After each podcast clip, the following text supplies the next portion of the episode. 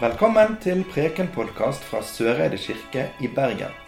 Her er søndagens preken.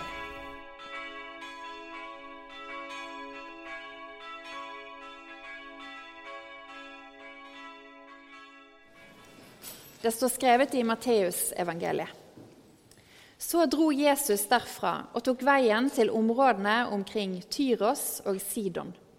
En kananeisk kvinne fra disse traktene kom og ropte:" Herre, du Davids sønn, ha barmhjertighet med meg. Datteren min blir hardt plaget av en ond ånd. Men han svarte henne ikke ett ord. Disiplene kom da og ba ham, bli ferdig med henne, hun roper etter oss.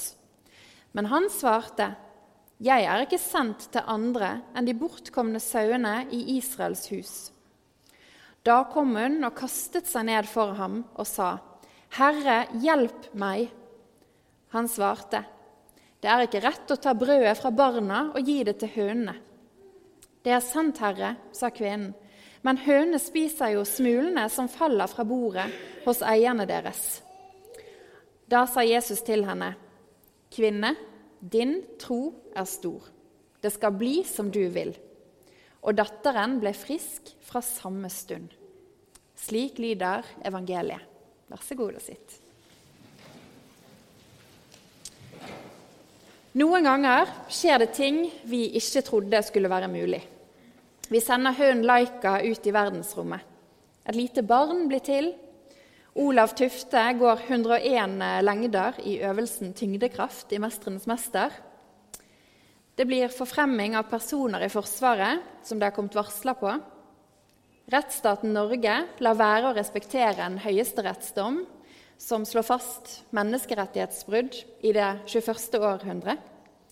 Eller at det denne uken kom en rapport som sier at én av fem kvinner i Norge sier de har blitt voldtatt. Noen ganger skjer det ting som vi aldri trodde skulle være mulig. I dag møter vi Jesus som avviser et menneske som kjemper for en annens liv. Hva slags Jesus er det vi hører om og møter i denne teksten?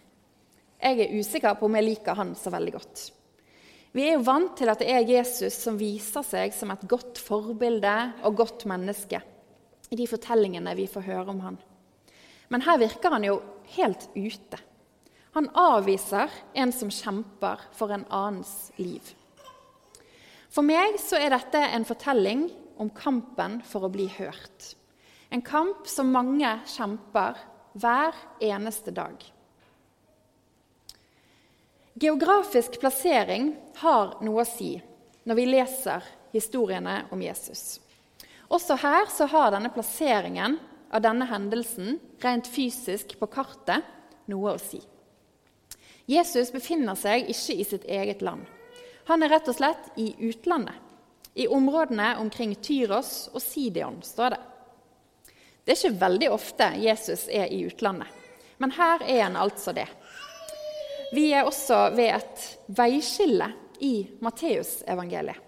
Fra offentlig virke i Galilea til disippelundervisning som skal forberede de tolv på det som kommer til å skje når de snart skal dra opp til Jerusalem.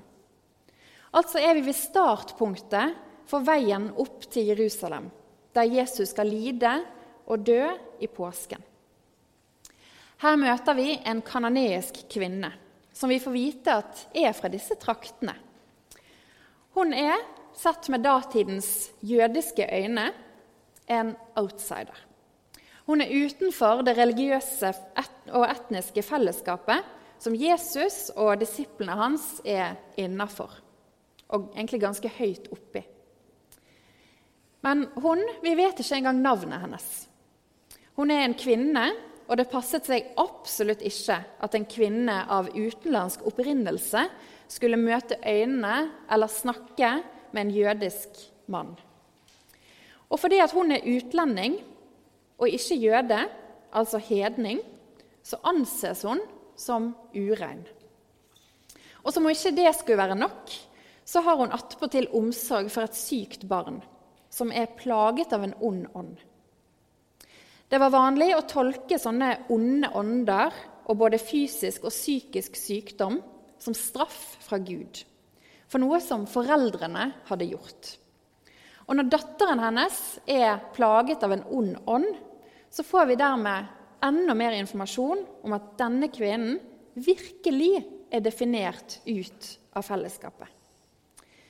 Denne kvinnen har et begrenset handlingsrom i kraft av å være kvinne, utlending og urein.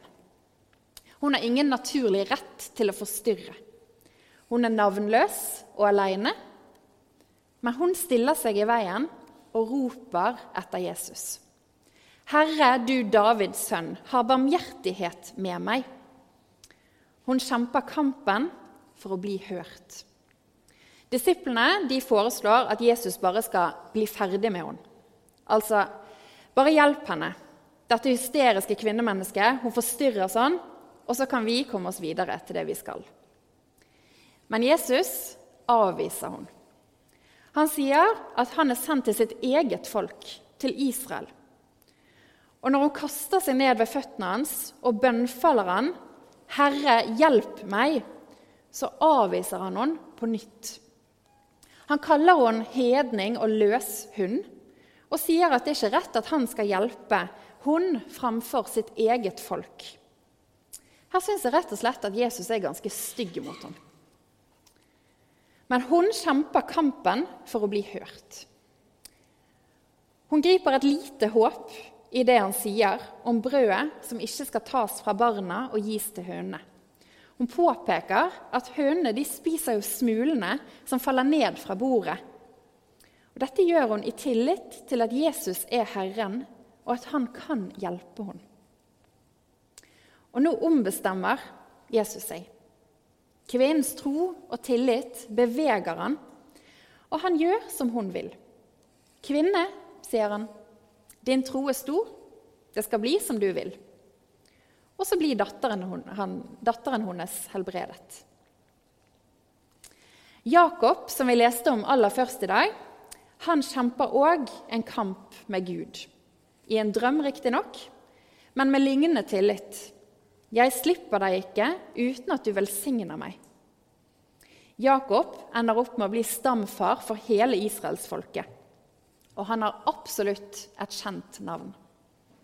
Det er en skam at vi ikke vet navnet på denne kvinnen. Når jeg leser om henne, så blir jeg skikkelig imponert. For en vanvittig frimodighet hun har. Vi er jo vant til at det er Jesus som viser seg som et forbilde. Men i denne teksten her så er det kvinnen som blir mitt forbilde. Hun gir ikke opp kampen for å bli hørt. Hun kjemper kampen for en annens liv med grenseløs kjærlighet. Hun nekter å bite det i seg, hun nekter å tape, nekter å bli avskrevet og utdefinert. Hun er et menneske som har noe å kjempe for, og som krever sin rett til å bli behandlet som et fullverdig menneske. Jeg tenker at hennes kamp henger sammen med alle andre menneskers kamp for å bli hørt. Slik som Jesus ble forandret i møte med denne kanoneiske kvinnen, så kan også vi være åpne for å forandre våre perspektiver. I møtene med de uviktige, de uten spalteplass eller definisjonsmakt, så kan vi sjøl forvandles og forandres. Pga. kvinnens eh, kamp for å bli hørt så endret jo Jesus mening. Jeg tror at erfaringer av det å være menneske må komme fram til de som har makt. Vi må våge å kjempe, våge å rope, lytte og dele videre. Fredag ettermiddag ble Fosen-aksjonen avsluttet utenfor Slottet i Oslo. Det nytter å stå opp mot urett side om side. Det nytter å kjempe for å bli hørt. På onsdag er det 8. mars og internasjonal kvinnedag. Hvilke rop er det vi kan stemme i der? Og hvilke rop er det vi stemmer i til daglig? I Matteusevangeliet, som dagens tekst er hentet fra, så har vi et viktig navn på Jesus. Han kalles Immanuel, som betyr Gud med oss. Og Dette var en kjent profeti fra gammel, gammel jødisk tid. Og Jesus er Immanuel, Gud med oss. Men det gjelder først bare for jødene. Møtet med denne kanoneiske kvinnen representerer som sagt et veiskille. På vei til det som venter Jesus i Jerusalem, så lar han seg bevege av kvinnens kamp for å bli hørt. Jesus er et menneske som lar seg bevege av andres erfaringer. Han er ikke utlært i det å være menneske i det han møter denne kvinnen, men han lar seg bevege og belære av henne. Nøden og kjærligheten har ingen grenser og lar seg ikke stoppe av religiøse skiller, kjønn, etnisitet eller noe annet. Og dette er noe Jesus tar med seg inn i lidelsen, inn i døden. Menneskelig erfaring av utenforskap og avvisning skal bli naglet til korsets tre sammen med han.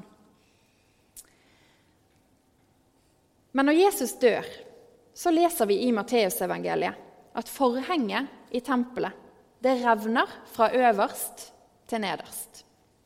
Og Det viser at denne redningsaksjonen han har eh, kommet for å gjøre, den er fullført for sitt eget folk, Israel. Den er ikke lenger begrenset av tempelet og de som hørte til der. Nå gjelder denne redningsaksjonen alle jordens folkeslag. Jesus blir Immanuel, Gud med oss, for alle folkeslag. Altså er det et før og et etter Jesu død og oppstandelse. Først jødene, og så alle folkeslag. Før Astrid og Sofia ble døpt her i dag, så fikk vi høre de siste ordene Jesus sier i Matteusevangeliet. Da er han stått opp fra de døde, og han sier sine siste kloke ord til disiplene, de som heretter skal gå ut og være kirke. Kirke med kallet til å være nær kjempende menneskers hverdag. Jeg har fått all makt i himmelen og på jorden. Gå derfor og gjør alle folkeslag til disipler. Døp dem til Faderens og Sønnens og Den hellige ånds navn, og lær dem å holde alt det jeg har befalt dere. Og se, jeg er med dere alle dager inntil verdens ende. Jeg er med dere. Jesus blir Immanuel, Gud med oss, for alle folkeslag og alle mennesker. Det går noen linjer her, fra Jakob som holdt fast og kjempet, til den kanoneiske kvinnen som kastet seg etter Jesus, og alle som kjemper for å bli hørt. Linjene de går fram til oss her i dag. Det utfordrer, og det utruster. Amen.